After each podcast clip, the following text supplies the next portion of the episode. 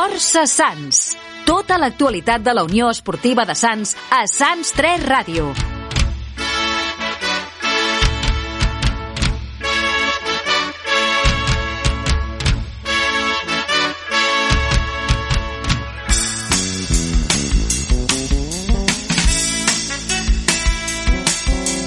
Bona tarda i benvinguts al Força Sants, el programa que repassa l'actualitat setmanal de la Gloriosa, la Unió Esportiva de Sants, a la ràdio local de Sants Montjuïc, a Sants 3 Ràdio. Tanquem l'any sencenc amb l'últim programa del 2022, per tant ens acomiadarem amb el desig que tingueu bones festes i una gran entrada d'any.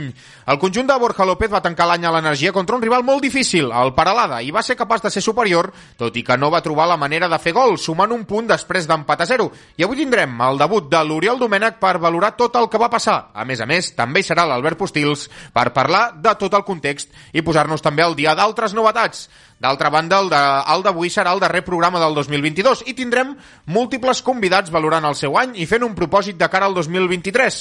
Esperem que les millors de les notícies en arribin a aquest nou any amb les veus dels protagonistes del club. Dit tot això, comencem el Força Sants fent un cop d'ull als marcadors del cap de setmana.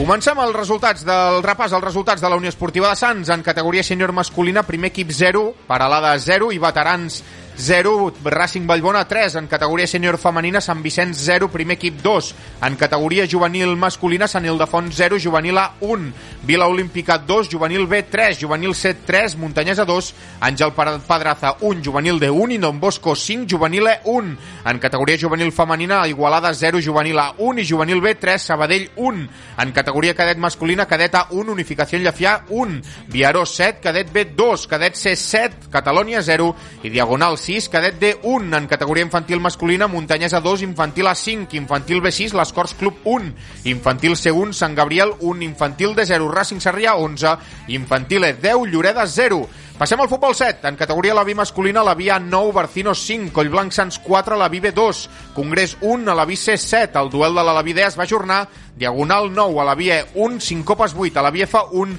i a la VG va tenir jornada de descans en categoria Benjamí masculina Fundació Hospitalet 6, Benjamí A2, Benjamí B0, Sant Andreu 3, Benjamí C4, APA Poble Sec 2 i Benjamí D5, Sant Gabriel 1. I acabarem amb la categoria prebenjamí masculina, Lloreda 3, prebenjamí A3, Canyelles 0, prebenjamí B4 i Singerlin 1, Promeses 9.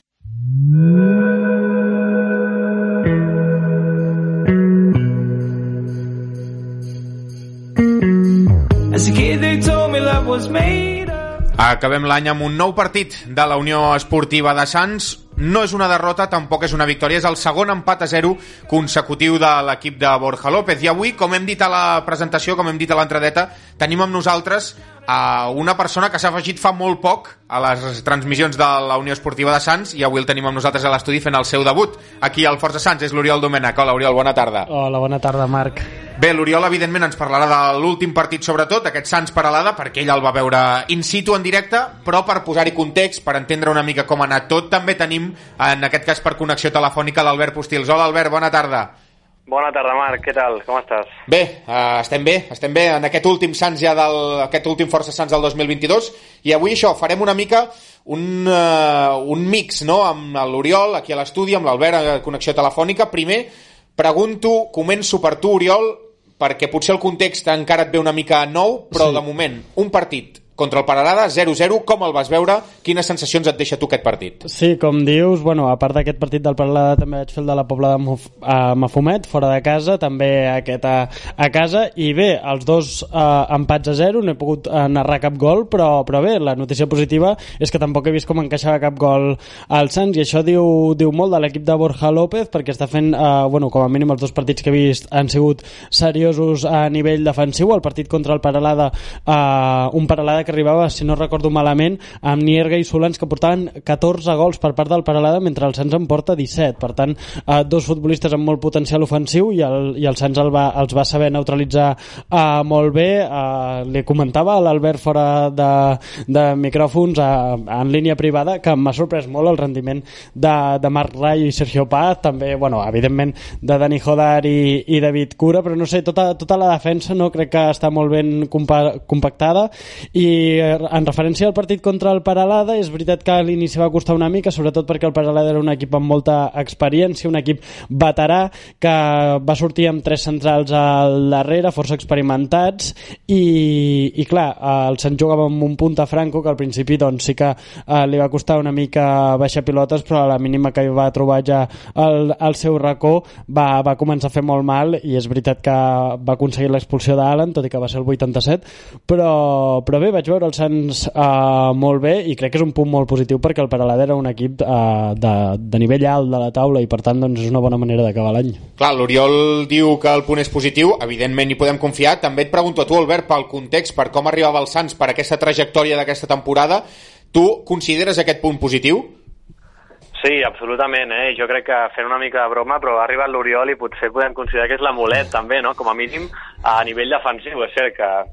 òbviament l'Oriol s'ha quedat amb les ganes de narrar un gol, però és cert que el Sants, eh, Marc, ho veníem destacant, no? És l'equip més golejat de la categoria, ho segueix sent, és cert, però aquesta vegada està acompanyat almenys el, la Rapitenca i el Vilassar de Mar, tots amb 27 gols en contra, però aquest Sants, que parlàvem que a nivell defensiu encaixava molt, doncs ara ja porta dos partits seguits amb aquests zero gols encaixats i a més a més a un apunt contra el Paralada de fet, em sembla, Oriol, si no em corregeixes, que Castelló eh, no va intervenir en cap ocasió i no va tenir cap eh, xut a porta i, per tant, destacar encara més la,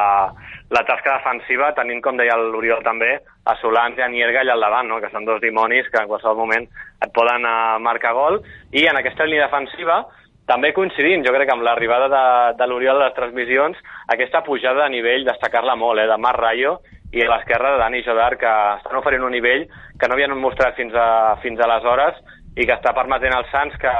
bé, no encaixa gol i si no encaixes, el que saps segur és que com a mínim eh, sumaràs un punt. Sí, en referència al porter Guillem Castelló, eh, jo els dos partits que l'he vist eh, l'he vist molt segur. Eh, el partit contra el Paralada, no sé si va rebre algun xut, no sé si anava a porta, sí que recordo una intervenció on va haver de sortir molt ràpid a l'1 contra 1, però, però sí, sí, també eh, amb molta seguretat i la defensa el, el que comentes. Vull dir, jo ja t'he dit que a mi eh, tota la línia defensiva en general m'ha creat molt l'atenció. Hem fet aquesta valoració general, hem, hem escoltat a l'Oriol, hem escoltat la valoració de l'Albert, falta potser un protagonista, que és l'entrenador del Sants, així que escoltem les reaccions de Borja López a aquest partit contra el Paralada. Crec que en línies generals eh, hem sigut molt superiors al Paralada. Eh, potser l'únic tram que no hem estat eh, tan bé o tan brillants ha sigut els primers 15-20 minuts. Eh, la resta del partit ha sigut eh, hem estat a un nivell altíssim, eh, amb pilota, sense pilota, eh, sortint en curt, sortint en llarg, eh, a la pressió. Bé, el Borja López que ho té molt clar, excepte 15-20 minuts, el Sants va ser molt superior. No sé si tu, Oriol, també coincideixes amb aquesta valoració que fa el Borja. Sí, jo ho vaig dir durant la narració que jo crec que el Sants, de fet, va mereixer la victòria clarament, no per el, uh, les ocasions clares que va tenir, que no en va tenir molt de molt clares, però sí que en va generar forces i, i bé, va, va dominar contra, ja et dic, un rival uh, complicat, a més uh, va pressionar molt bé la seva sortida de pilota, recordo moltes pilotes llargues de, de Romero. I, i bé, no sé, partides de Pol Quatre Cases, de Gavaldón, de Cadena vull dir, va, va ser molt difícil eh, quedar-nos amb un futbolista i, i també destacar eh, bueno, que hi va haver un, un gol polèmic eh, ho vaig dir en, en la narració i també al districte esportiu vaig explicar una mica el meu punt de vista però tornarem a, a fer eh, Pau Carés ja la, el primer temps eh, condueix per la dreta, retalla xuta amb l'esquerra, toca la pilota en Allen eh, remata Cristiano Bon segons els futbolistes del Paralada en fora de joc i la pilota acaba entrant. Els futbolistes del Sants ho celebren durant uns 30 segons i l'àrbitre assistent acaba aixecant el banderó al cap d'uns 30 segons després de que la pilota entrés a la xarxa. Llavors, el Sants va marcar un gol que jo crec que és el que li hagués hagut de donar els 3 punts. L'àrbitre eh, va decidir anul·lar-lo i, per tant, doncs bé, empat eh, molt positiu, però amb aquest eh, regust agradols no, de que haurien d'haver eh, sumat els 3 punts. Sí, amb això en, en aquesta acció a la, a la primera meitat i Albert, a mi m'ha fet una mica de gràcia, per posar gràcia com, com a concepte, això que ha dit el Borja de primers 15 minuts, 15-20 minuts on potser no estem tan bé. I quantes vegades, Albert i jo, hem parlat d'aquests primers 15-20 minuts on el Sants doncs, no acaba d'entrar bé, però encaixa i ja es veu perdre en el marcador, no? Això que dèiem, la bona notícia de l'aspecte defensiu és que en aquests primers 15-20 minuts el Sants no es veu perdre en el marcador tot i no començar de manera idònia. Eh, Marc, he pensat exactament el mateix. He pensat en tu quan Borja deia aquestes paraules, quan me les va comentar a l'energia el diumenge, i és cert, eh? jo crec que aquest canvi de, de xip o aquest, aquest Sants que ha crescut molt en aquests últims partits, també es nota en això, no? que potser ara el Sants pot començar malament algun partit, contra la Pobla jo crec que no va començar malament, no, no. contra el Paralada Borja, Borja diu que sí, uh, i en aquest cas, però, no encaixa gol. Per tant, aquesta també és una diferència, és un salt qualitatiu del Sants, i si aquest Sants que uh, ara no encaixa en aquests uh, primers minuts, ara potser el repte és esperar que el Sants ja directament faci, uh, si no bons, doncs uns, uns minuts inicials normals i ja no hagi de patir per si jugar malament i per encaixar gol, no? Però jo crec que això, Marc, forma part d'aquest procés de millora que, que Borja López sap que l'equip està tenint i que demostra, per exemple, en què porta ja quatre partits a uh, invicte al Sants. Quatre partits invicta, que és una molt bona manera d'acabar aquesta primera, primera volta, però bé, també un Sants que evidentment sempre ha d'intentar buscar el gol, no? són dos partits seguits sense, sense marcar, tot i que potser la primera part, com, com ara comentàvem, va tenir aquesta jugada polèmica, però va ser una mica més ensupida a nivell d'ocasions, mentre que la segona, Oriol, hi va haver una mica, no sé si dir-li verticalitat, va ser més vertiginosa, va ser més de poder a poder en les dues àrees, com ho descriuries tu? Sí, jo crec que en els dos partits que he vist del Sants, eh, quan arribava als últims metres a l'equip li faltava una mica de, de claretat, com si, com si la porteria es fes molt petita no? i els futbolistes acabessin de tenir certa por. És veritat que eh, tant Cristiano Bon com Pau Carècia com, com Franco deixen jugades de, de molta qualitat, però sí que mm, tinc la sensació que l'equip eh, no, no acaba d'acompanyar eh, ofensivament. Llavors, Uh, bé, és, a la primera part també hem de tenir en compte, evidentment, el nivell del Paralada, amb gent molt experimentada, uh, amb gent de, de molt nivell, i per tant jo considero que és normal que al principi costés una mica, però quan el Sants ja va veure que dominava i que a més a més no rebia perill, tinc la sensació que aquesta por que li he vist sobretot contra bueno, la Pobla de Mafumet també per la por d'encaixar uh, un gol Uh, doncs poc, poc a poc, poc a poc, poc a poc van anar generant ocasions cada vegada uh, més clares i, i de fet uh, al minut uh, 87 no, arriba aquesta expulsió d'Alan obligatòria perquè si no Franco ja es quedava amb un contra un amb el porter i aquesta sí que hagués estat una ocasió molt clara. Per tant sí, el primer temps uh, va costar una mica, després va arribar el gol polèmic. Jo em pensava que a nivell mental això afectaria el conjunt de Borja López però no, al segon temps uh, cada vegada les ocasions van anar eh, incrementant i al final jo crec que el partit si arriba a durar no sé, posem 10 minuts més 15 minuts més el Sants hagués acabat tenint alguna ocasió que hagués acabat entrant el que passa és que pues, no, no va arribar i, i bé, el partit es va acabar amb aquest empat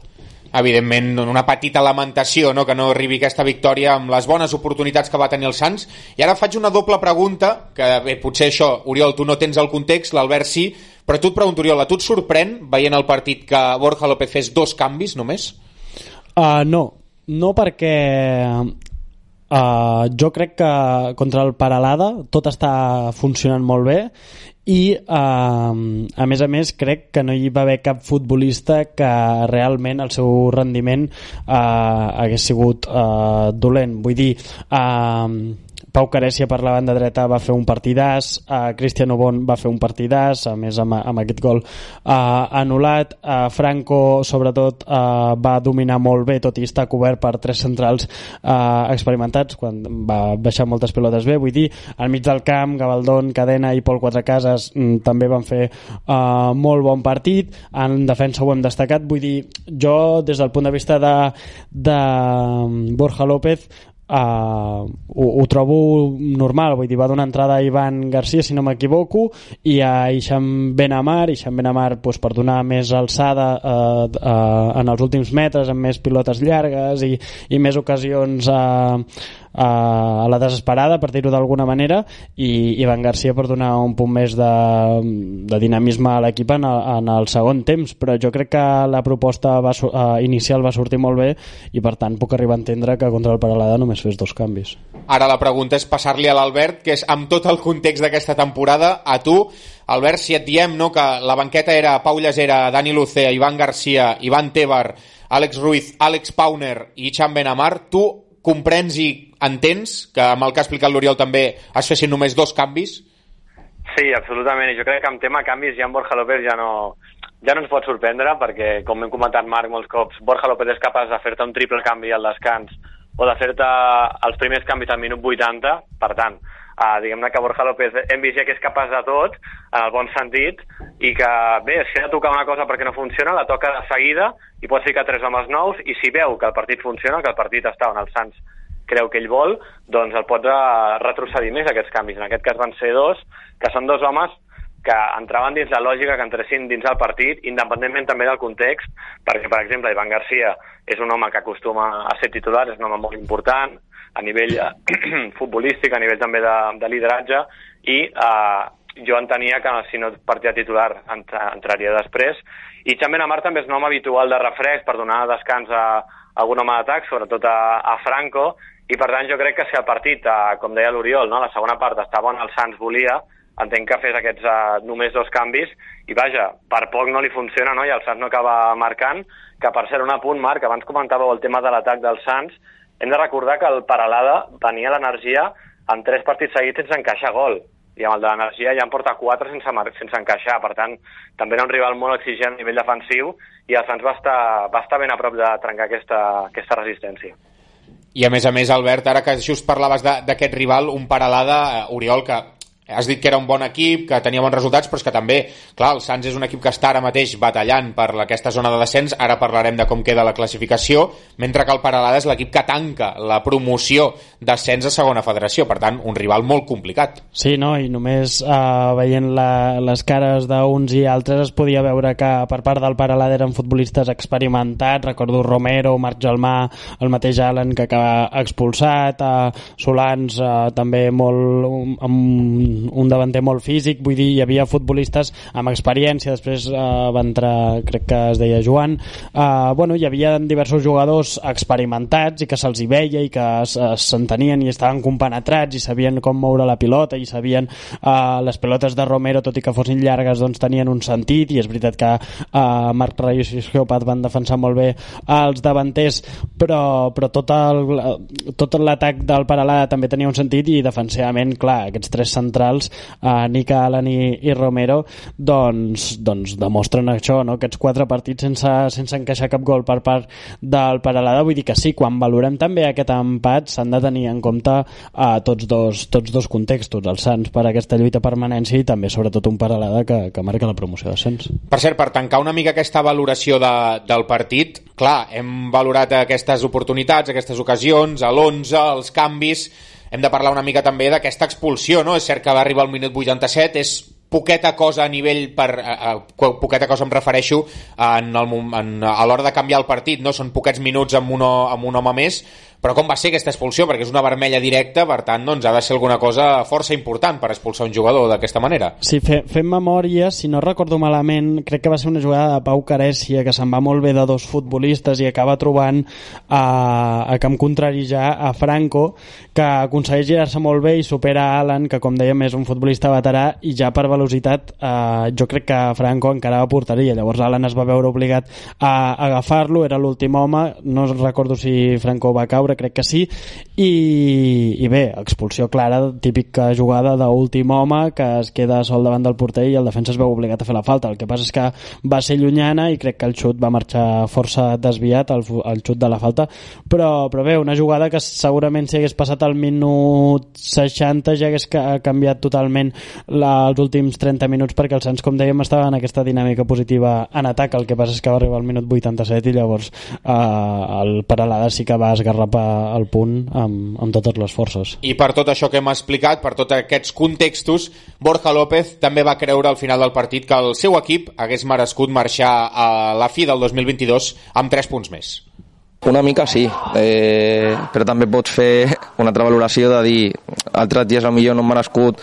eh, segons quins punts i també els hem sumat. Vull dir, bueno, és una mica relatiu, però si, si fem una valoració de lo que és avui, només avui, crec que el Sants ha sigut molt superior al Paralada, eh, transformat aquesta, aquesta superioritat en ocasions de gol, eh, un gol anul·lat a la primera part, eh, a la segona part eh, hem tingut dos claríssimes, una de Pau Careixia i una altra de Franco, bueno, avui no, no ha volgut entrar, eh, no, hem estat, eh, no hem tingut aquesta precisió que, que sí que tenim de cara a porta a altres partits i bueno, doncs amb aquest eh, resultat, amb aquest empat a 0, per molt que Borja evidentment digui que el seu equip va mereixer la victòria, l'empat a 0 és una realitat, una nova jornada on el Sants doncs, eh, no, no perd, són quatre consecutives, són això sí, eh, una victòria i tres empats, evidentment desitjaríem que sempre fossin victòries, però el que és una realitat és que amb aquest empat el Sants acaba el 2022 amb 15 punts i és fora de la zona de descens, també mirant els altres resultats, li van ser favorables i per tant que l'equip sencer encara mateix seria el primer equip que no baixaria, una situació similar, de fet similar no, de fet igual a la de l'any passat, que esperem que aquest estiu, si acabés tot així, no s'acabi convertint en un altre rebombori de si baixa, de si puja, de si la plaça del Cerdanyola o què. Però bé, això, Dos punts per sobre del descens, el Sants se'n va a vacances de Nadal a les posicions on li agradaria ser a final de temporada. Sí, jo crec que les sensacions són positives, com a mínim per aquests dos últims partits, perquè eren rivals eh, de nivell i marxa mostrant un bon joc eh, defensiu, eh, també tenint ocasions, és veritat pues, que no han estat molt, molt, molt, molt clares, però, però sí eh, inquietant eh, els porters rivals i sobretot amb aquesta seguretat que si segueix amb aquest nivell defensiu doncs podrà arribar a final de temporada tranquil, però és, és una competició, és un grup eh, complicat complet, hi ha rivals amb molta experiència, amb molts bons jugadors i el Sants també ha de ser eh, bé, ha de tenir al cap eh, quin és el seu paper i tampoc voler tampoc eh, anar directament a perforar la porteria rival perquè després és el que comentàveu que encaixa un gol i llavors ja, ja ho té més complicat. Però respecte a aquests dos últims partits jo crec que les sensacions són molt positives i acabar l'any fora del descens eh, és una notícia molt bé, que, que tots ho haguéssim firmat a principi de temporada. Sí, Albert, amb tu que hem estat parlant les, eh, bé, totes les setmanes, amb aquestes dues ratxes no, de, del Sants, aquella de també quatre jornades sense perdre, de la jornada 2 a la jornada 5, i després la ratxa negativa entremig la victòria de l'Europa i ara aquesta nova ratxa, jo crec que, no sé si consideres que la primera volta ha estat bona, correcta, acceptable, quin, no sé quin adjectiu li posaries tu? A veure, si ho agafem amb xifres, ho comparem amb la temporada passada, agafem les primeres, les mateixes jornades, és cert que la temporada passada hi havia més equips, però ara el Sants porta dos punts més que la temporada passada. Uh, per tant, uh, si la temporada passada es va salvar, uh, bé, uh, i les segones voltes del Sants en teoria són millors que les primeres, si es manté això, en principi el Sants, eh, bé, vaja, s'hauria de poder salvar, no? Però en tot cas, més a nivell de sensacions, no tant a nivell numèric, Uh, jo crec que ha tingut, uh, ha pecat d'irregularitat, no? Ara ho comentaves tu, Marc, aquest inici, després aquella ratxa que agafa, després altra vegada una ratxa negativa, i ara que sembla que acaba bé, no? Potser el repte ara és intentar uh, que agafi aquesta regularitat que ara sembla que ha agafat, que, la, que ara li doni continuïtat també al, al 2023, i si no guanya almenys que doni la sensació de que el Sants ha, uh, bé, s'ha mostrat a l'àrea contrària, ha tingut més solidesa defensiva, uh, que tingui una altra imatge. No? Jo crec que el repte és assegurar aquesta regularitat, però jo en general, per ser el Sants, que sempre històricament el Martí company m'ha comentat que les primeres voltes són més regulars, jo, jo crec que és per estar satisfets, perquè és el que dieu, eh? El Sants està fora del descens, que per cert era un microobjectiu que s'havia marcat l'estaf tècnic a la primera volta, i per tant jo crec que és positiu, perquè a més a més eh, tenint en compte que el Vilassar i el, la Rapitenca, que la Rapitenca per cert és el primer rival que tindrà el Sants el 2023, em sembla, em sembla que estan a 5 punts, ara no me'n recordo, eh? però em sembla que estan força lluny i per tant són dos rivals que, vaja, que els hi pots agafar a distància i potser ara el que haurà de lluitar més és el Badalona, però en tot cas, Rapitenca i Vilassar de Mar, de moment sembla que s'estan despenjant una miqueta i això, per tant, són molt bones notícies pel, pel Sants. Tot això ja arribarà l'any vinent, no? Avui estem a dijous 22 de, de desembre, per tant l'any vinent ja en parlarem, però sí que fem una petita prèvia, ja que amb aquestes vacances de Nadal estarem unes setmanes sense valorar el força, sense fer el Força Sants dia rere dia, rere dia i ens retrobarem ja després de que el Sants hagi jugat contra la Rapitenca i mira, just Albert, ho deies tu, jo crec que ho podem comentar molt ràpidament. Clar, el Sants 15 punts, Rapitenca Cué amb 10, és un partit que s'ha de guanyar i no només perquè el rival és a 5 punts, sinó també perquè a la primera volta ja vas perdre contra aquest rival. Exacte, imagina't deixar-lo a 8 punts, eh? Seria una, una autèntica passada uh, deixar el Rapitenca a 8 punts, molt tocada la deixaries, i sobretot, com dius, eh? jo crec que ni tu, ni jo, ni ningú dels Sants uh, oblida aquest primer partit de, de, de l'anada, bàsicament, on el Sants va arribar amb unes circumstàncies molt adverses, amb aquells problemes de fitxes, amb jugadors que no sabia si els podies inscriure, fitxatges que al final va acabar fent més tard. Bé, va ser una mica un partit, una mica trampa, aquell viatge tan llarg, que em sembla que és el més llarg que ha fet i que farà el Sants aquesta temporada. Bé, va ser un partit una mica enverinat i el Sants no el va treure uh, i jo crec que ara, en aquest 2023, es donen les circumstàncies perquè el Sants ara sí doni un cop d'efecte i deixi la Rapitenca ja molt tocada. Et passo una mica la pregunta a tu, Oriol, també amb aquests dos partits que has viscut del Sants, dos 0-0, entenc que ja Uh, contra la Rapitenca, l'energia és el dia idoni per celebrar el teu primer gol a les transmissions de, de Sants 3 Ràdio. Bueno, primer de tot m'ha deixat l'Albert que, que, que el pugui narrar, no? però sí, la veritat és que com a mínim ganes de veure una victòria dels Sants, eh? més enllà de si uh, l'acabem narrant o no, uh, crec que aquests tres punts a, a la classificació són molt importants, donarien molt a, a la plantilla, sobretot uh, si ja fos una victòria en porteria zero, la dinàmica seria molt i molt i molt bona i, i per tant crec que el Sants ha, ha d'anar amb tot, sobretot per, per començar l'any bé, per eh, seguir en aquesta dinàmica positiva i perquè és un rival que, que avui, avui sí podem dir que ha de guanyar sí o sí ha de guanyar sí o sí i això és el que esperem poder explicar en el primer Força Sants del 2023, que ja serà això, el 2023. Abans de tancar, però, sí que hem de tocar un tema. Un tema que bé, és molt senzill però també complex a la vegada. Jo, Albert, et dic dues paraules i tu ja tires, uh, ja estires del fil. Kings League. Kings League, eh, quina paraula, eh? Uh, a veure, uh, què ha passat? El Sants sembla que passa, passa de tot sempre i també té relació amb la Kings League, que per la gent que no ho sàpiga és aquesta competició que ha creat a, eh, bé, Gerard Piqué i companyia. Uh, què passa? Doncs que la Kings League és una competició que jugarà els diumenges a la tarda entre el gener i el març i uh, entre tots els jugadors que han estat seleccionats uh, casualment hi ha dos que són del Sants, que és Marc Granero i Cristian Ubon. Aleshores, a tu, Marc, de fet, em vas passar el document, no?, sí. acreditant que, que Ubon, en aquest cas, estava, i vaja, jo em vaig ficar les mans al cap, no m'ho creia, vam preguntar a Borja, vam poder parlar amb ell el diumenge a l'Energia, que escolta, Borja, què passarà amb aquests dos jugadors? Uh, podran seguir amb els Sants, no podran seguir? I bé, el que ens han explicat uh, és que podran seguir, és a dir, la idea és que ho sigui compatible, que puguin jugar amb els Sants i amb l'equip corresponent de la Kingsley, que ara no recordo quin equip juga cadascú, i per tant el Sants no ha de patir entre el gener i el març, perquè són dos homes a més molt importants en atac. Què passa? Uh, el risc, que és un risc que bé, uh, tothom coneix, és que pot haver lesió. Uh, això no ho pot treure ningú. Pot ser que Won o Granero, tant de bo que no, es lesionin a la Kings League i això sí que perjudicaria el Sants, però vaja, en tot cas, la idea del club és que ho compatibilitzin i de fet, si m'ho permet, i això també l'Oriol dona fe, Ubon, eh, de manera així una mica humorística, no? va titllar la Kingsley com una, un extraescolar, no? De, Sí. una cosa extra a banda dels Sants, però que la prioritat absoluta per ells és el Sants i que sempre que donin el 100% amb l'equip blanc i verd podran disputar aquesta competició de, de Gerard Piqué. Sí, sí, jo mentre escoltava uh, l'entrevista, bueno, bé, les declaracions que feia després del partit contra el Paralada el, el company que,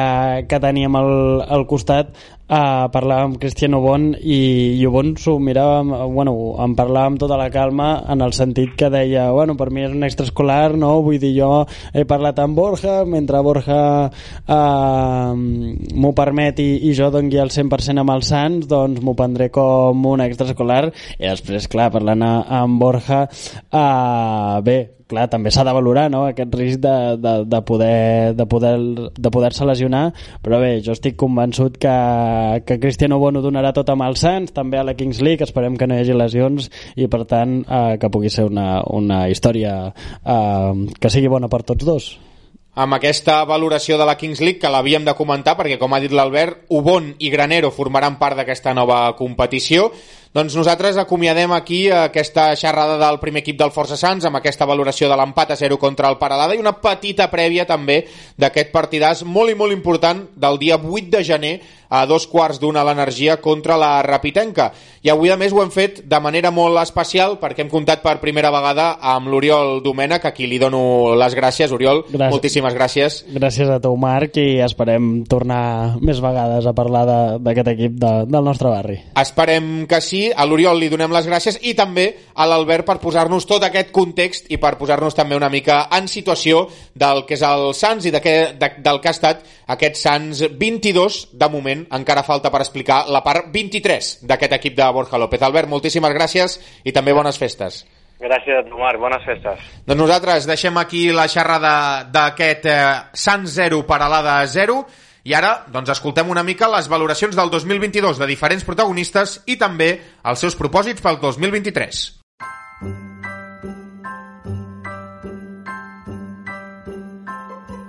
Have a holly jolly Christmas It's the best time of the year. Joan Forcadell, president. Bé, el resum d'aquest any podríem dir que tanquem un any ple d'emocions, que malgrat les dificultats històriques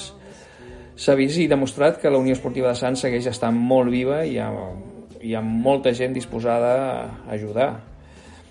Hem celebrat una sèrie d'actes per commemorar el nostre centenari, amb molt d'èxit i força participació. Eh, vull agrair les tasques que ha fet la comissió que es va crear del centenari per organitzar els diferents actes. Pel que fa a la part esportiva del club, aquesta ha vingut marcada per una gestió nefasta amb els descensos compensats de la segona i tercera federació per part de la Federació Catalana i això ha provocat una situació complicada, va, va, provocar una situació complicada per la planificació d'aquesta temporada del nostre primer equip. Finalment hem pogut competir a la categoria que ens vam guanyar al camp i s'ha pogut construir un staff tècnic i una plantilla que està competint al màxim cada cap de setmana. Ara mateix, eh, hem acabat la primera volta, estem fora de les posicions de descens i amb més punts que amb les dues últimes campanyes. També aquest any hi ha hagut forces canvis a la nostra estructura esportiva que, que segueix treballant per fer-la el millor possible. Els equips de futbol base, tant el masculí com el femení, estan competint a les seves diferents lligues amb diferents objectius que esperem assolir al final de temporada. I una miqueta per acabar, el, bueno, dir que el proper any també serà un any important perquè s'acaba el mandat que ja va iniciar l'expresidenta Montserrat Dot i ja hem comunicat a l'Assemblea de Socis que pel 2023 convocarem eleccions eh, com podeu veure feina eh, en tenim i en queda per estar distrets i fer que el cor del nostre club no deixi de bategar. Ja només em queda de desitjar-vos a tots unes bones festes de Nadal i moltes alegries futbolístiques i socials pel proper 2023. Bon Nadal i força sants. Borja López, entrenador del primer equip masculí. Doncs d'aquest any eh, m'agradaria destacar un parell de coses. Eh, la primera, tot el que va ser la temporada passada, eh, sobretot al final, eh, salvar-nos a la última jornada, necessitàvem una carambola, una triple carambola eh, que es va donar eh, i vam poder aconseguir eh, la salvació al camp. I per un altre costat, eh, també destacar pues, tot el liu que va haver amb el tema de, de la plaça de, del Cerdanyola, eh, després el tema del Dux, eh, que ens va afectar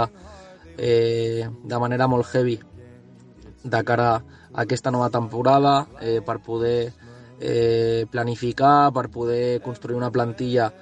eh, adequada eh, a la categoria que, que estem competint. I, i encara així eh, crec que eh, s'ha pogut aconseguir fer un bon bloc eh, amb gent jove, amb gent en projecció i que a dia d'avui pues, està competint eh, al màxim cada cap de setmana i, i bueno, eh, tot el que és l'any 2022 eh, li posaria una nota de, de molt bo. I com a propòsit pel 2023, pues, eh, que aconseguim eh, la salvació el abans possible i que no tinguem que, que patir tant com, com, any, com anys anteriors. Laia Cantarell, futbolista del primer equip femení. Doncs crec que un breu resum que reflexi tot el que portem de temporada és que de moment prou positiu tenint en compte que hem pujat de categoria és un equip molt nou i la base és molt jove de moment s'estan obtenint resultats amb alguna que altra punxada contra rivals que crec que no hauria d'haver sigut però en general molt bé. Uh, tenint en compte que aquesta passada jornada han punxat dos equips rivals bastant directes, doncs hem escalat unes quantes posicions, diria que dos, i ens n'anem ara al descans quartes, sabent que tenim a dalt els tres equips que haurien d'estar amb nosaltres a dalt per poder lluitar i ara centrar-nos en nosaltres en aconseguint els tres punts sense mirar la classificació i esperar que els de dalt doncs, perdin algun partit i nosaltres seguim fent la nostra feina sempre amb actitud i positivisme i crec que tenim equip com per fer-ho i per seguir escalant posicions. Després, si hem de mirar a llarg termini i a l'acabar la temporada, et diria que potser no és un any per a l'ascens per culpa de, com he dit abans, desconnexions que van haver-hi en un principi, però crec que acabar aquesta temporada amb bones sensacions i a dalt ens servirà per afrontar la segona amb la màxima il·lusió i, per què no, amb possibilitat de tenir un nou ascens. Martí Odriozola, exnarrador dels partits del primer equip masculí. Si m'he de quedar en un moment d'aquest 2022, vaja, jo crec que em quedo sens dubte amb l'última jornada de la temporada passada, aquell mític ja històric i celebra 1 de maig a l'energia, aquell partit contra la Vilafranca, la, la triple carambola, la triple connexió amb els partits que ens interessaven de Sant Andreu i el Figueres i el Granollers i la Pobla d'en Fumet que vam viure en directe a, a Sants 3 Ràdio i el desplegament eh, majúscul que vam van fer l'energia per explicar el partit i la golejada contra el Vilafranca, que va ser el preludi d'aquella salvació que semblava impossible feia tot just una setmana i que al final doncs, els astres van, van alinear-se per, per fer-la possible i que va ser, eh, diguéssim, el, la primera passa o el primer element que ens va conduir a un estiu novament boig, eh, on vam estar pendents primer al maig de, dels descensos no compensats, al juny i juliol de la federació, del Cerdanyola, del que passava amb la plaça de segona federació, bé, l'embolic que la gent ja recorda i que, com vam comentar amb tu, Marc, eh, fa uns dies i unes setmanes, és una mica l'única manera que tenia el Sants de salvar-se i de celebrar el centenari amb una salvació era així, amb aquesta carambola eh, esportiva i de manera justa i merescuda a la gespa i després amb l'estiu eh, absolutament inversemblant, surrealista, impensable que la federació ens va regalar i ens va fer patir fins al final i que de moment eh, el Sants amb, amb Borja López a la banqueta pot complir amb el que estava amb el que es volia, no? que era poder competir bé a, a tercera federació, amb problemes com, com sempre, no és fàcil competir aquesta categoria, però de moment l'equip no, no es despenja i vol aferrar-se amb ungles i dents a, a la categoria i aviam si aquesta segona volta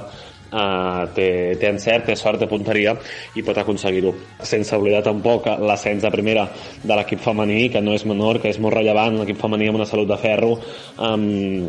que vol seguir creixent i per tant a l'àmbit esportiu eh, doble èxit majúscul i a l'àmbit de club i l'àmbit més social podríem dir aquesta celebració també per la porta gran del centenari que per mi converteixen aquest any 2022 en un any molt especial eh, marcat sens dubte a l'agenda a la història, el, el llibre de records del, del club que costarà oblidar, que no oblidarem i que ens deixa grans moments, grans records, grans històries que formen part ja d'aquests 100 anys i uns quants mesos de vida d'un club que tots estimem. Quique Jiménez, responsable del futbol base. M'agradaria destacar eh,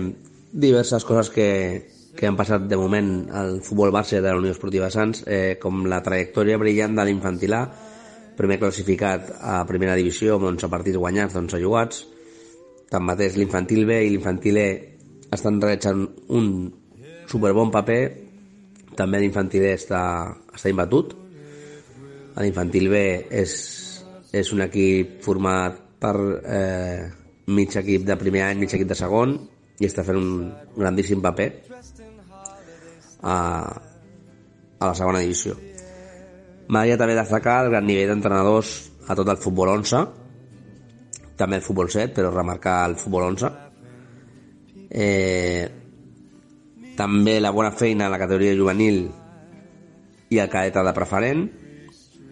A nivell futbol 7 encara s'ha de millorar molt però pel que fa la formació i assoliment de conceptes bàsics s'està fent una gran tasca amb una feina brutal dels coordinadors i entrenadors. Eh, no oblidem que, aquesta, que, el, que el futbol 7 tot i tenir Benjamí primera, Benjamí segona, Levi primera, Levi segona és, és una etapa de formació d'assoliment d'aquests conceptes futbolístics que després desenvoluparan eh, quan arriben a categoria infantil i canvin d'esport de, de, tot i que sigui futbol eh, evidentment eh, el futbol 7 és un aprenentatge de cara al futbol 11 amb el que respecte a propòsits per la per, per, per aquest any que ve, aquesta temporada que ve o, o, o la fase final de la temporada Eh, em podria estendre molt, evidentment, eh, però prioritzaré la permanència del cadet B a primera divisió. Està molt complicada, però la lluitarem fins al final. Estic segur de que, de que els, els nois es deixaran la pell i, i el cos tècnic també. I, evidentment, guanyar la Lliga a l'infantil A, que va molt ben encaminat, i assolir l'ascens a preferent, i, i el, i a l'infantil B i l'infantil E, que, que realment són tres fornades excepcionals eh, conduïdes per, per uns, uns místers excepcionals, són, els entrenadors són xavals que s'han format a la casa des de jugadors, des de ben petits, eh, i han anat, han anat eh, formant-se com a entrenadors, com a educadors també, perquè al final no oblidem que la tasca d'entrenadors molt, és molt,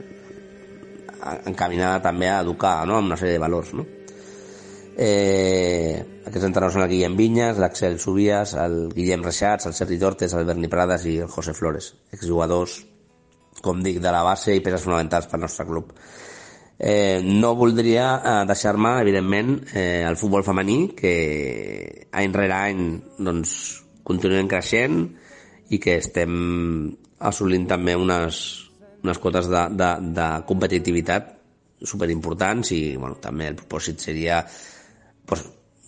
any rere any anar creixent. Àlex Bahamonde, entrenador del juvenil A masculí. Parlàvem ja l'altra vegada de, del tema de, de la pretemporada, bueno, una miqueta com, com havien gestionat el tema després de d'aquest descens de, de nacional a preferent. Sabíem que era un grup molt, molt complicat i que s'haguessin anat tants jugadors doncs, bueno, el marge era molt, molt petit per, per poder treballar i ara sembla que, que en aquests mesos hem intentat pues, anar trobant a veure quins jugadors eh, pues, encaixaven a la forma de jugar que, que nosaltres eh, plantejàvem, un model de joc complicat en el qual pues, necessitem aquest temps per, per, bueno, per adaptar-se. I bueno, alguns jugadors eh, han encaixat, uns altres no tant hem donat algunes baixes, hem fet algunes altes i una miqueta doncs, trobar aquest, eh, aquest grup que, que realment veig bastanta unió, veig un, veig un equip, que això és el que volíem al principi, eh, és, és, és el, que, el que més importa en aquests moments, no? tenir un equip, perquè quan les, les males dinàmiques venen, eh, sabem que, que, que aquesta és una part molt important i a partir d'aquí comencem a, a treballar. Llavors, bueno, eh, hem anat fitxant, hem anat fent remodelacions, una miqueta més defensives, creiem que la porteria zero era bastant important, estàvem encaixant bastants gols. Dintre de, de la falta de gol, pues sí que, sí que veiem que, que, bueno, que els resultats eh, anaven, anaven bé, realment jugaven bé, eh, feien bé les coses, però sí que aquesta falta de gol l'hem notat bastant i per això el tema de canvis de fins ara. No? El tema de, d'algun pronòstic de cara al, al 2023 és seguint bueno, una miqueta el, el rol que, que, que, estem, que estem treballant ara hem, he incorporat també el cos tècnic un altre company que ja va formar part eh, amb mi a l'ascens de l'Horta i crec que serà important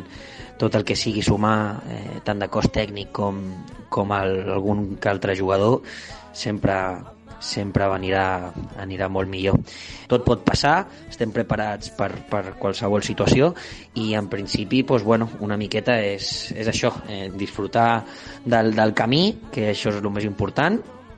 i que els resultats pues, ens acompanyin. Així que, bueno, és tot, és el que desitgem de cara al 2023. Un, un any de, d'unes quantes victòries, no? bueno, moltes gràcies, eh? Cisco Vilaró, responsable dels veterans. Fent un resum de, de lo que és any 2022, doncs crec que ha sigut un dels millors, a nivell sencenc, dels millors anys eh, eh, que ha tingut el Sants. Eh, el centenari, el que sí que una de les coses que ha obert la porta és a veure que eh, hi ha molta gent a darrere dels Sants, eh, directa o indirectament. Eh, la família Sansenca pues, eh, ha vingut un any esplendorós, la veritat. Eh, a nivell esportiu hem mantingut la categoria, els actes del centenari crec que han sigut eh, extraordinaris. Mm, I bé, eh, crec que ha sigut un any fantàstic vale, aquest any. Vale? A nivell de, de veterans, pues bé, ben, eh, les jugades esportives, vam tenir el privilegi de jugar contra els veterans de l'Espanyol, eh, vam mantindre la, la categoria a, a primera de veterans i, bueno, i després vam, vam participar a la Donosti Master Cup eh, i al torneig del, del Papiol, amb bueno, resultats podien ser millors, però bueno, al final del cap el que es tracta amb el sentit dels veterans, a part de jugar a futbol, és crear cohesió no, esportiva i sobretot portar el Sants, el nom del Sants, a, a arreu on sigui possible. Vale, el, vam tindre negativament la, la, les baixes de bastants jugadors, algunes lesions, eh, alguns que anaven eh, bueno, han plegat de, de l'entitat i, i bueno, tot això pues, ho han compensat amb, nova, han compensat amb noves incorporacions. Vale? Uh, però crec que és un any uh, molt positiu molt positiu i és un orgull portar jugar amb, la, amb aquesta samarreta que és una, una virgueria aquesta samarreta al centenari el disseny i pel 2023 doncs, bueno, demanem mm, pràcticament el mateix és mantindre la, la categoria uh, fer família uh, fer pinya um, esperem que a nivell del Sants es mantingui a la tercera divisió i, i, bueno, i, i res, que els nous companys que han vingut que se sentin a gust i que formin part de la família doncs, molts anys. No? També participarem eh, aquest any, tornarem a participar una altra vegada, eh, hi ha un clàssic a la Donosti Master Cup que celebrarà del 2 al 4 de, de juny, ja estem pràcticament inscrits. I bé, i, i, i, i continuar, i continuar eh,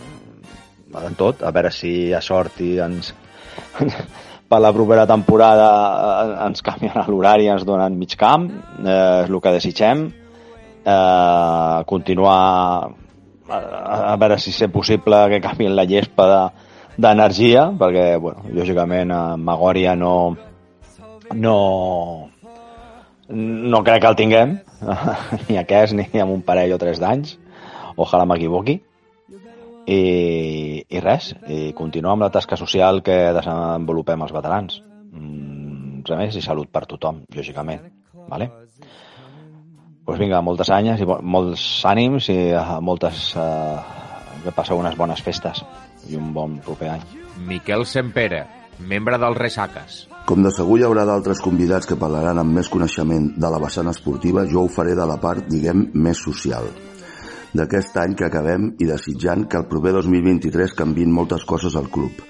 perquè a l'assemblea de, de, de l'entitat hem tingut coneixement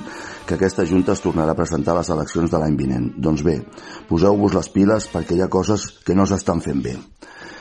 Perquè hem perdut el lideratge al barri. D'altres equips ens han pres la davantera i hem deixat de ser un referent. Perquè no estem representats com caldria a la taula d'esports i, i, d'esport i en, la, en el secretariat perquè hem perdut veu i protagonisme en la lluita pel retorn a Magòria i això ho podem pagar molt car un cop tornem, si és que tornem en espai, horaris de partits i entrenaments i decisions que afectin el, el nou complex a Magòria. Perquè tots els nous patrocinadors seguim sense tenir una quantitat necessària de patrocinadors i col·laboradors que ens ajudin a reflotar el club. Perquè molts pares del futbol base no estan d'acord amb moltes de les decisions que s'han pres aquesta temporada, perquè és una vergonya el tema dels camps on juguem on juguen els nostres equips perquè seguim sent un equip aparador. Els calés no vindran sols i els jugadors que fan una bona temporada estan a l'espera d'ofertes d'altres clubs perquè no, poden, no podem oferir el que mereixen perquè malgrat el que es digui de portes en fora, segueixo pensant que no hem tingut l'ajut que un aconteixement com el centenari del club mereixia per part de la Junta Directiva. Crec que des del club no s'ha publicitat convenientment, ni als mitjans ni el que és pitjor, al futbol base. No s'ha donat la suficient informació dels actes. De fet, des del club, en la majoria dels casos, s'han limitat, i no sempre, a fer retuits dels tuits de la comissió perquè tot i la pressa de pèl constant de part dels diferents governs municipals seguim fent el lloc i, que, i el queda bé amb els polítics de torn. Un exemple el tema del marcador electrònic a l'energia. Resumint, com no espavileu, a les properes eleccions no tindreu el meu recolzament.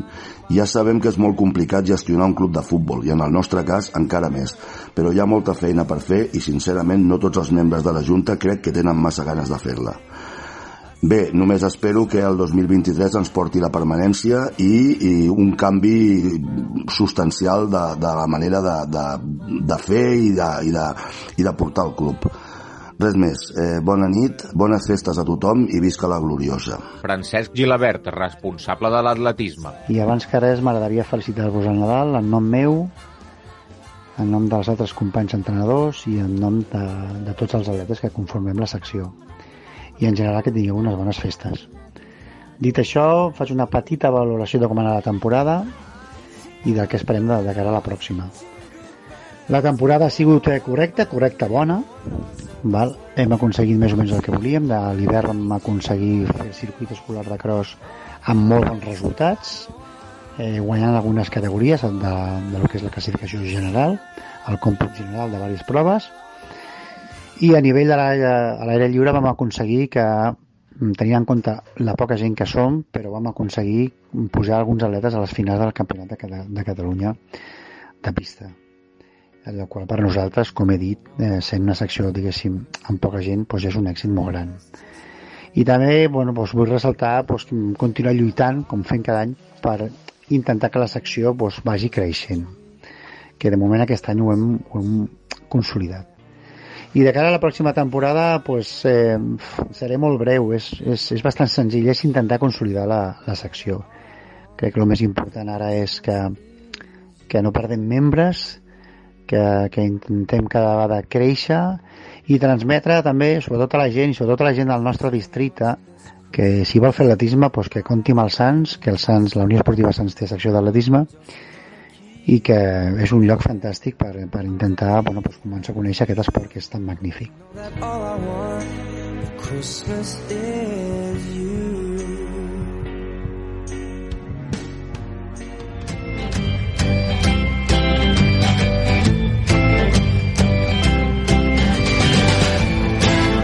Fins aquí arriba el Força Sants d'avui, la quinzena edició i última d'aquesta temporada, almenys la part 2022. Un programa on hem valorat positivament l'empat del primer equip masculí amb el 0-0 de l'energia contra el Paralada i un empat que hem valorat amb l'Oriol Domènech, debutant avui al Força Sants, i també amb l'Albert Postils, com fem habitualment. D'altra banda, us emplacem al proper programa, que ja serà el 2023, i on esperem poder cantar una victòria del Sants contra la Rapitenca, que es jugarà el diumenge dia 8 de gener a dos quarts d'una del migdia. D'altra banda, avui també volem donar les gràcies a tots els convidats que han valorat aquest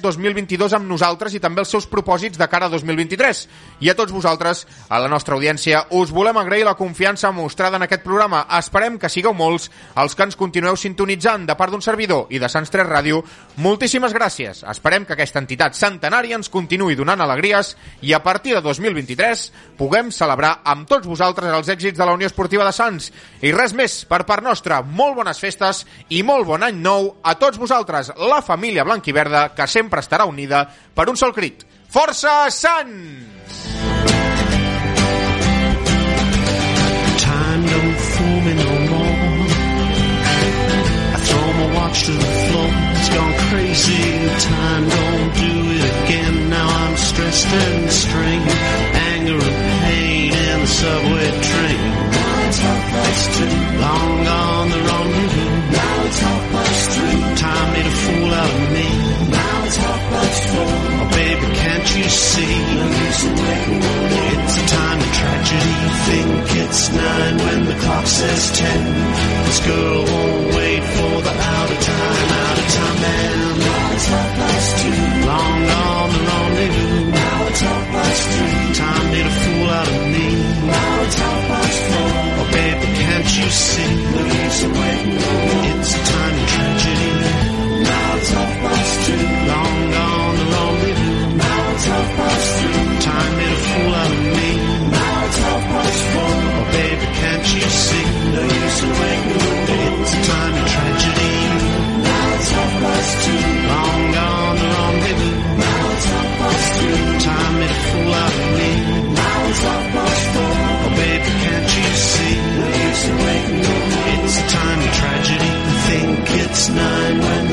him. This girl won't wait for the out of time, out of time Man.